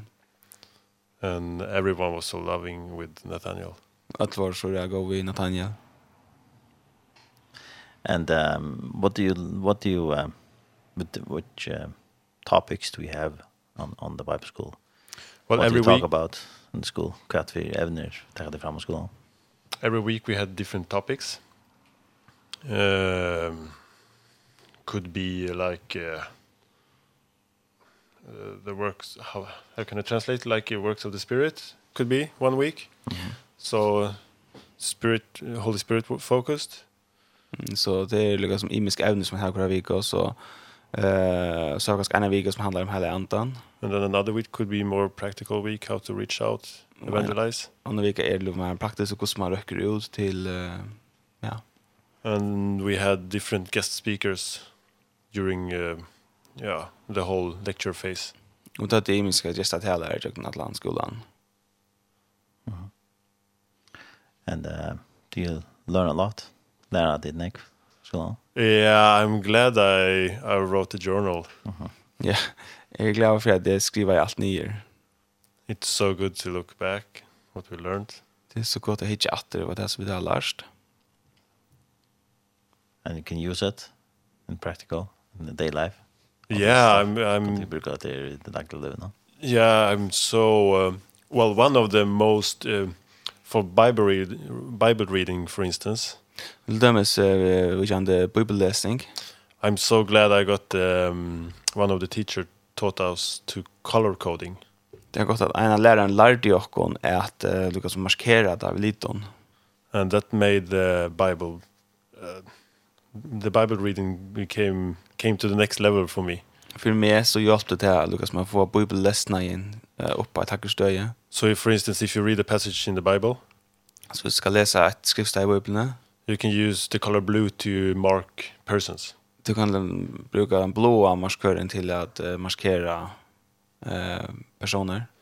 And maybe green to mark time and place. Grönt till uh, tog just det. And red to mark emotions or atmosphere. Oh och rätt till uh, kjensler och eh uh, ja, atmosfære. So for me personally I could go so much deeper into a um patch, certain passage mm. so like really study the Bible. Så jag kunde lukka som lära mig att uh, färra djupare och studera Bibeln. And I love to study the Bible. And Bible studies is my favorites, I would say. Bibelstudie er är det mitt, mitt underlings. Mm to understand the timeless truth and to understand the um, how how to say the the time when it was historical context. told yeah, yeah. Mm, och så liksom tojna alltså när hon är sann och när det är um, kontexter alltså större kontexter i. And for you. Myro. It was uh such a good balance like between practical and spiritual because mm -hmm. um I love the practical stuff. Um För mig var det som en god balans mellan det andliga och det praktiska. Vi älskar det praktiska. And then I think I could learn a lot about the like spiritual stuff. Så kunde jag sen lära mig om det andliga parten. So it was a very good balance. Så det var en sån fin balans. And um yeah, it was really good. Det var ordentligt gott. One of my favorite weeks was the Holy Spirit week. En en min yndlingsvik om var Hela Andan vika. Um where there was things happening that I had never seen before. Her hände några ting som jag inte hade sett. And in the beginning I also found it kind of scary maybe. Och visst ni fallet där upplevde det där sen där reande. Um but then I spoke to the teacher afterwards like just like uh, asking him my questions and the doubts that I had about what I saw. Och så spurte jag läraren att han var om det som i Iva stod ju det som i Kjörliga visste vad det var. And that has really um, shown me some things about the Holy Spirit that I yeah, did not learn before. Det har visst mig några ting om Halle andan som jag inte visste i Arren. For example, that he's um, like a gentleman, so he won't do anything that you uh, don't want him to do. Så att han är lika som vinnerlig, så han ger inte något som du inte inser vad jag görs. Or that he comes in different forms and that he comes like how you need it. So for example, if you need a very radical turn, he will maybe come in a more radical way. Ja, har sagt som att jag ändå möter där på en måte som tog törva. Så hvis du bruk för en radikalare bröting så möter han det på den måten. Or if you need him in a more um, kind and gentle way, he will maybe come like a dove, just very gentle, um, whispering to your heart. Ja, og hvis du kanskje bruk for en mer rolig en oppleving, så kommer han sagt med en dikva på en sånn spärkliga måte og möta på den måten. Yeah, so that was a very spiritual week. Så det var en ser andelig vika. And then we had other weeks where um, we had Dan Bauman just sharing his life story. And through his life story, there was a lot of lessons and um, yeah, some very good nuggets on that you can use in your normal life.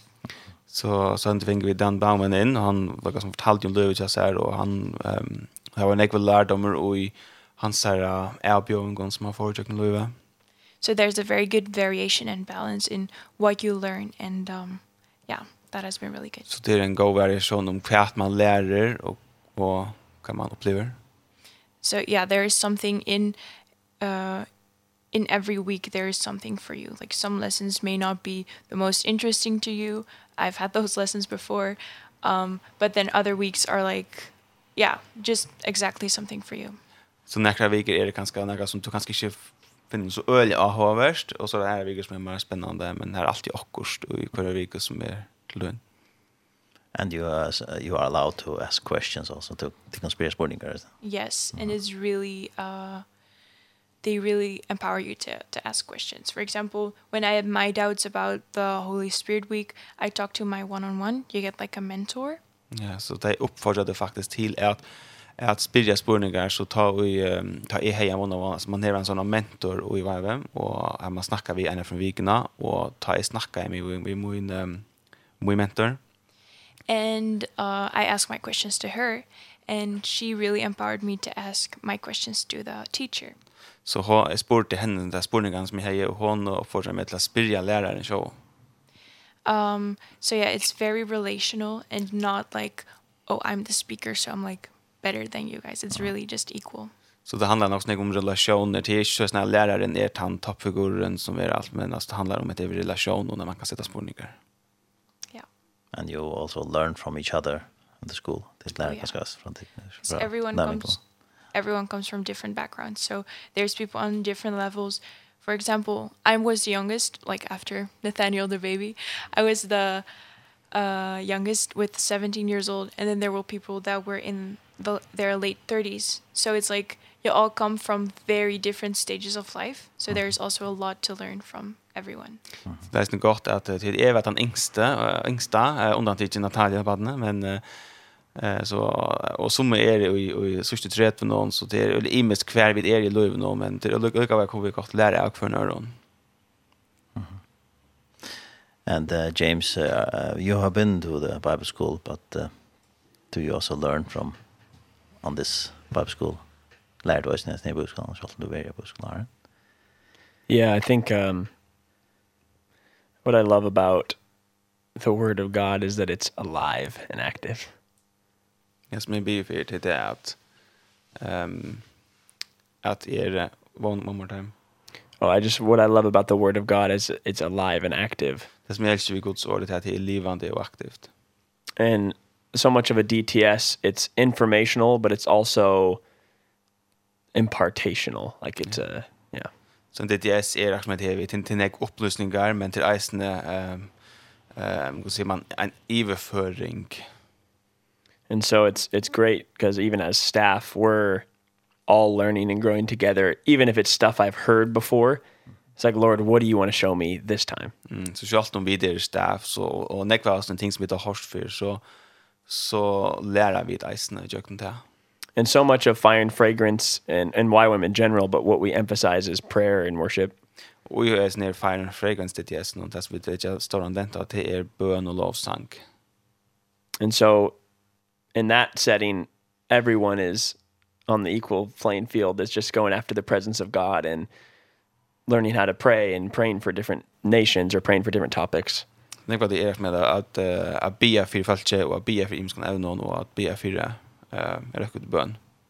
And so it's just so fun to be able to continually grow with people that are younger than you and people that are older than you and your fellow staff and students and all growing into the fullness of Christ together. Så det har stått till att växa samman, växa samman vid sin närmgång och, og växa och som um, vekse i herren. And um, now you're here in the Faroes for a couple of weeks. Uh, uh, what are you going to do here in the Faroes? Cover the Geran who are there in Hakaviker? Yeah, so we will will be doing some ministry with different churches um, and youth groups Så vi fikk en rekke ut til uh, forskjellige samkommer og nekva ungdomsbalkar. And we're doing different um, times of reaching out on the street with people, evangelism. For evangelisera gøtnesne. We'll be able to do some stuff at different schools, uh, different devotionals at high schools and og at uh, eisne er ute i skolen og at uh, her var andakt ute i skolen. Yeah, it'll be quite a variation of different types of things and but we're really excited to since Myra mentioned, we've been in a bit of a, a small quarantine, so we're really excited to get out and start to meet people and meet believers and um, uh, yeah. different people on the street and stuff. Så som Myra har nämnt så har vi eh veri sattarhaldande och så vi glädjer oss över att kunna komma ut och möta folk. And if I could add, I feel very strongly to give hope to the hopeless. Jeg vet ikke det at uh, predika vån til det vånlige så. We are living in a time with it's so heavy with not at least uh, not least not least the corona. Ja, vi lever antingen nu här alltid så tungt tälja vi corona. And there is so much anxiety in darkness. Det är såna grejer um, som man uh, ötte och myskor. Uh, maybe especially among youths. Mm. Sälja mitt lungo. So hope to the hopeless. So won't for the one so. And Jesus is our hope, right? Mm og Jesus er akkurat vann. And the isolation, people are isolated a lot of these times. Yeah. So it's a good talk about it to people. Yeah. Jag vill neck we slash on here we is near to you. So um many different things and um you talked about uh, stuff uh, like um called scent mm -hmm. in in uh, way before. Uh, can tell us a little bit about James? Vet som du of James, det vet som är sent. Kan du it in om det? Yeah, so I mentioned um, when my life changed on that day in the stadium in Los Angeles. Så jag förhållde ju om det här lövet som jag bröttes då jag som stadion i Los Angeles. And that event I was at was called The Call. Och det event någon det är att The Call and the call started in the year 2000 um as a mass prayer and fasting movement. the call kall började som år 2000 som en stor bönar rörsla. And a man named Lou Engle just had a burden from God on his heart to call America to fasting and prayer. Så Lou Engel han fick en sån kall Jag kall till att uh, liksom kalla amerikaner in i bön och fasta. And the first event they had was he just felt the call a send a, a call out to believers to to stand in the gap and to pray for the nation and they gathered in Washington DC and 400,000 people showed up. Så so, I think alltså kallt lilla lika som för kallt amerikaner till att stanta och i um, och i uh, motorisen här uh, eller som man säger stand in the gap till att stanta och i Ja, ehm um, Gustav säger att uh, det är väl stanna samman nu på skär någon skär någon ja. Att uh, stanna samman nu på när kommer 400 000 amerikaner. And then for about 10 to, or 15 20 years that movement continued with different mass gatherings and stadiums in different cities across America. Så i nästa 15-20 åren så, så fortsätter det här vi i stora samlingar i Nekvon, Nekvon stadion och runt i Amerika. And then I think it was about the year 2011 some leaders in YWAM had a prophetic word for the guy who started the call. Så det var några i YWAM i 2011 som några lärare som fick ett profetisk år om uh, om uh, yeah, det fick ett profetisk år 2011. And they they said we believe the call is transitioning not just to be a movement of prayer and fasting, but of one of the proclamation of the gospel, signs and wonders and evangelism. Så vi føler at det er det her vi at kall the call til ta brød seg fra vera stad i bøn, men at eisen vil evangelisering og, og ja, tekne under skulle følge eisene. So then a few years later, maybe five or six years later, the call then turned into the send. Så under fem, sex år siden så ble uh, The Call, det ble lukket som, uh, det var her og i The Sand ble sprått jo der.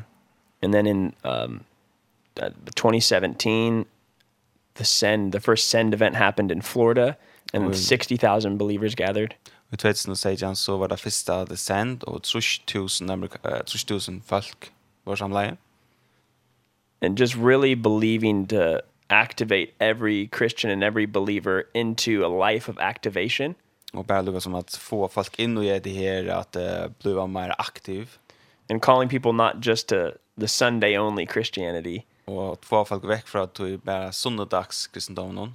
And one of passivity and complacency. Och få passiviteten och att vara um, nökt vid det som är för att ta väck but just being a movement to say like you are the answer to the problem of the world. Jesus in you, the hope of glory. Ja, men alltså men det här vi att till att to är ice to en pastor av for för nationen to och Jesus. And then if, a year or two later in Brazil they had a send event and they opened up registration.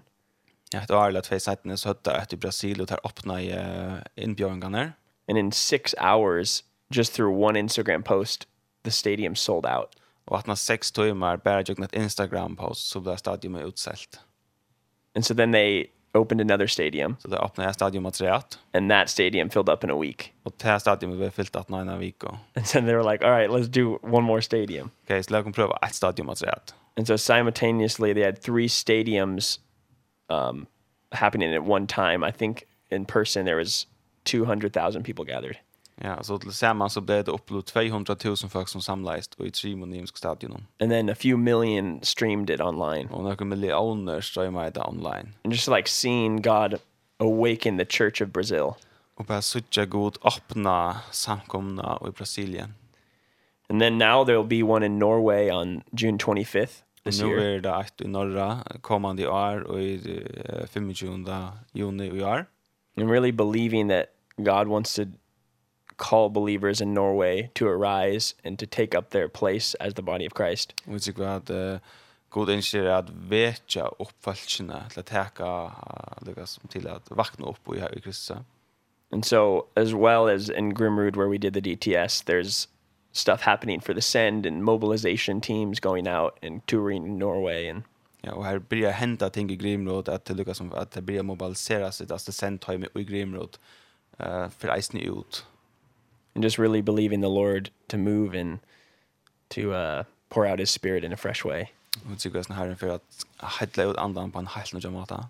But I just think it's it's amazing. I mean, in my life to see what God did in me at a stadium event. Det fantastiska så ju på min lök att Gud gjorde i en stadium deltage. And at times it can from the outside it it can maybe seem like, well, it's just it's just a, an event It's just a gathering. Utanför kan det så ut som att ja, men att det är bara ett, ett tilltag, en samling. But truly, like, when I lifted up my shoes saying, like, God, I'll go anywhere. Men tar jag lukka som nytt upp min, min skägg för att säga att uh, god är för alla stanna. A seed was planted in my heart. Så blev jag så plantat mot mitt hjärsta. And it's still growing into what it is today. And that's why, really, I'm, ultimately, I'm here in the Faroe Islands. Och, och till faktiskt eisen tog jag att jag är här i Faroe nu. It's good God spoke to me on a day in a stadium. Det er god tale til moon ein der en stadium? And so we believe that there's missionaries in Norway. Så vi tycker här er missionärer i norra that have yet to see that calling on their life. Som ikke har finnit til kattelig løv, så här and then this event we're just believing for God to speak to so many people and so many hearts. Och vi tycker vad bäst tilltäcks när folk fyrir at tala til hjärtat i folk. To be sent out of Norway into the nations of the world. Jag var sent ut ur norra till Chona och Diverna. So that the 3.1 billion people that haven't had the chance to hear the gospel yet. So that tror jag kommer en miljard folk som ännu inte har hørt evangeliet can hear the good news. Kunde höra det til tydna and it's not just about Norway or this event, but really it's Europe coming together. Ja, og det er ikke, handler ikke bare om om Norge og etter till det, men det handler om Europa som kommer sammen. So we're really excited for what the Lord's doing and being able to serve him in this way and so vi er alla spent på vad Gud för og och han möjligen at han god på ända matan. Exciting, yes, very exciting. Um I'll think we'll play a song before uh, we'll uh, catch up and uh, and and this program. Um, you have a request once more. Uh, was Casting Crowns? Yeah, this is yeah. from Casting Crowns. The main text is the um, well um, Jesus um, uh, on the cross uh, Jesus built a bridge with the cross over the canyon. So it's like uh, where canyon, uh, where sin leaves a canyon, love builds a bridge.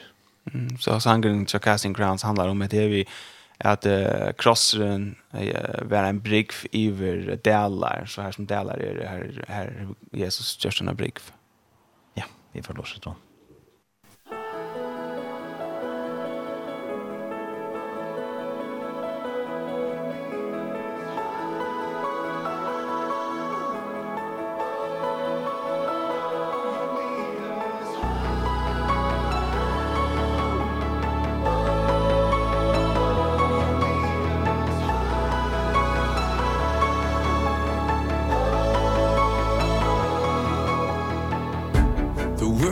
getting darker by the day. I'm on my knees but don't know what to pray. The broken things that broken people do.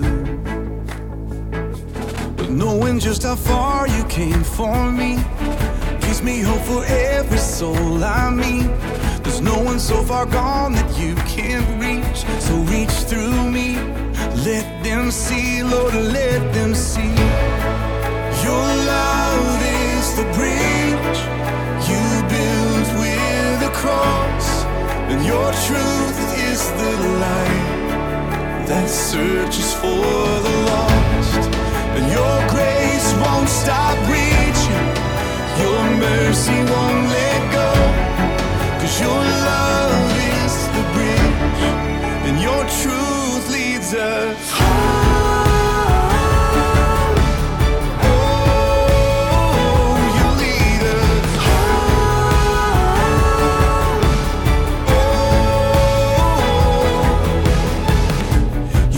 told the broken they were whole.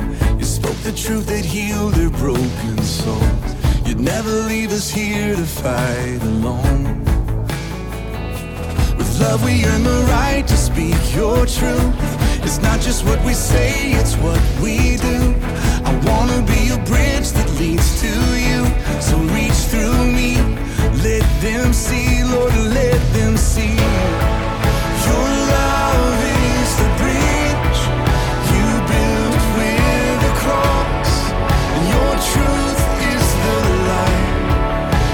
searches for.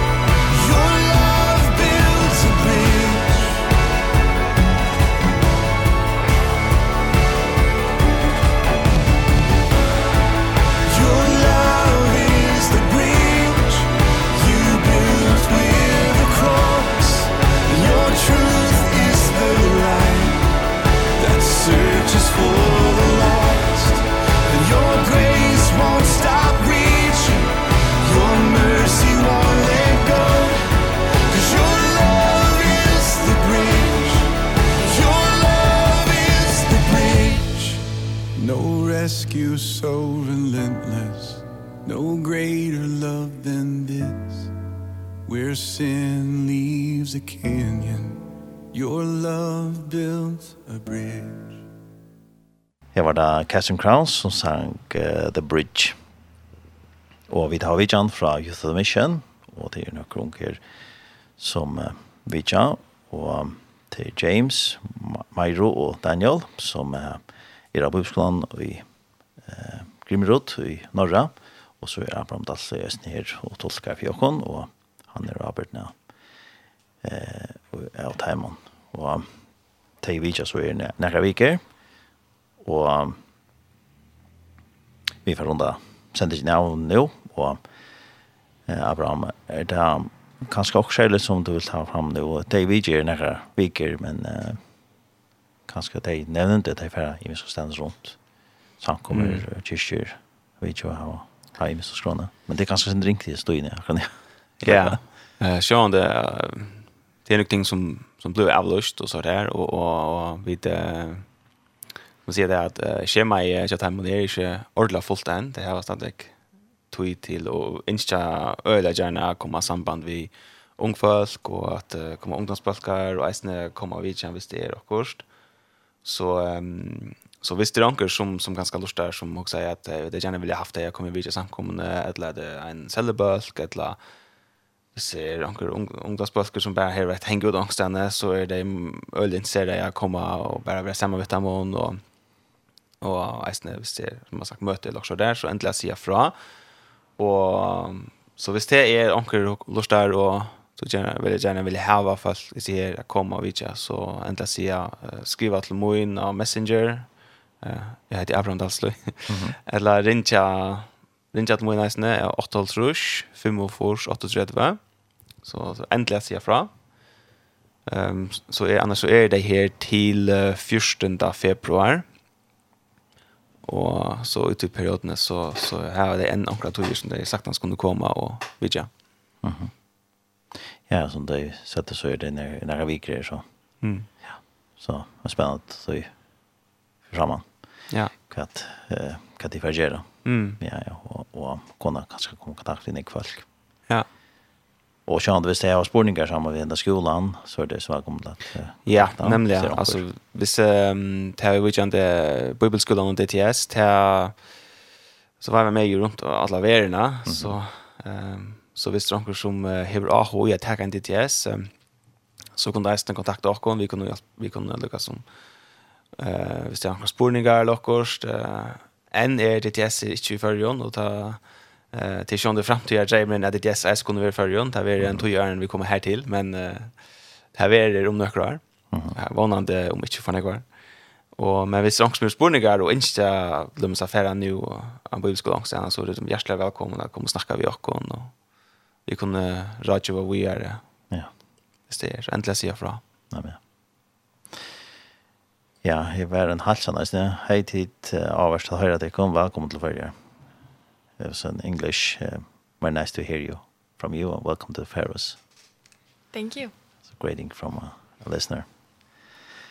Um, yeah, uh, thank you very much for coming here to our studio. Thanks for having us. Yeah, thank you. Thanks so much. Uh, it's been so fun talking. Yeah, very nice. Time flies away. um, James Anderson and Myro, how do you spell last name? Weibenha. Weibenha. Yes. Yes. And uh, Daniel Teng, how do you say? Tengberg? Tengberg. Yes. Perfect. Tengberg. Yeah? I know. well, Abraham Laszlo. Yeah, thank you very much. I mean, God bless you and uh, to stay here in the Faroes.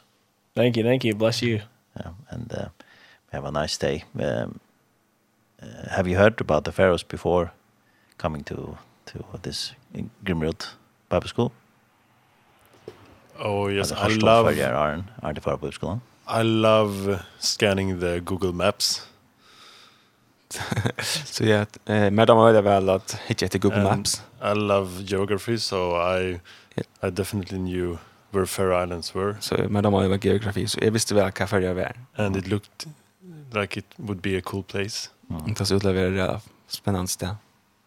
Ja, yeah, and Myro, how's it for you? Um, the team of last year's DTS from Grimru went here too. So I saw that. And that's how I know Faroe Islands. But before that, I've never heard of it. Uh -huh. Det timen som var her uh, tulljer i år var i eisen i Førjøen, så fra tog så sa jeg omkring mynter herfra, så tog visste jeg hva Førjøen var. And James? I'd only heard about it a few months before going to Grimrud, so Okay. Jag bara hörst om det några få månader är det för Grimrod. But now I'm here. And now you're here.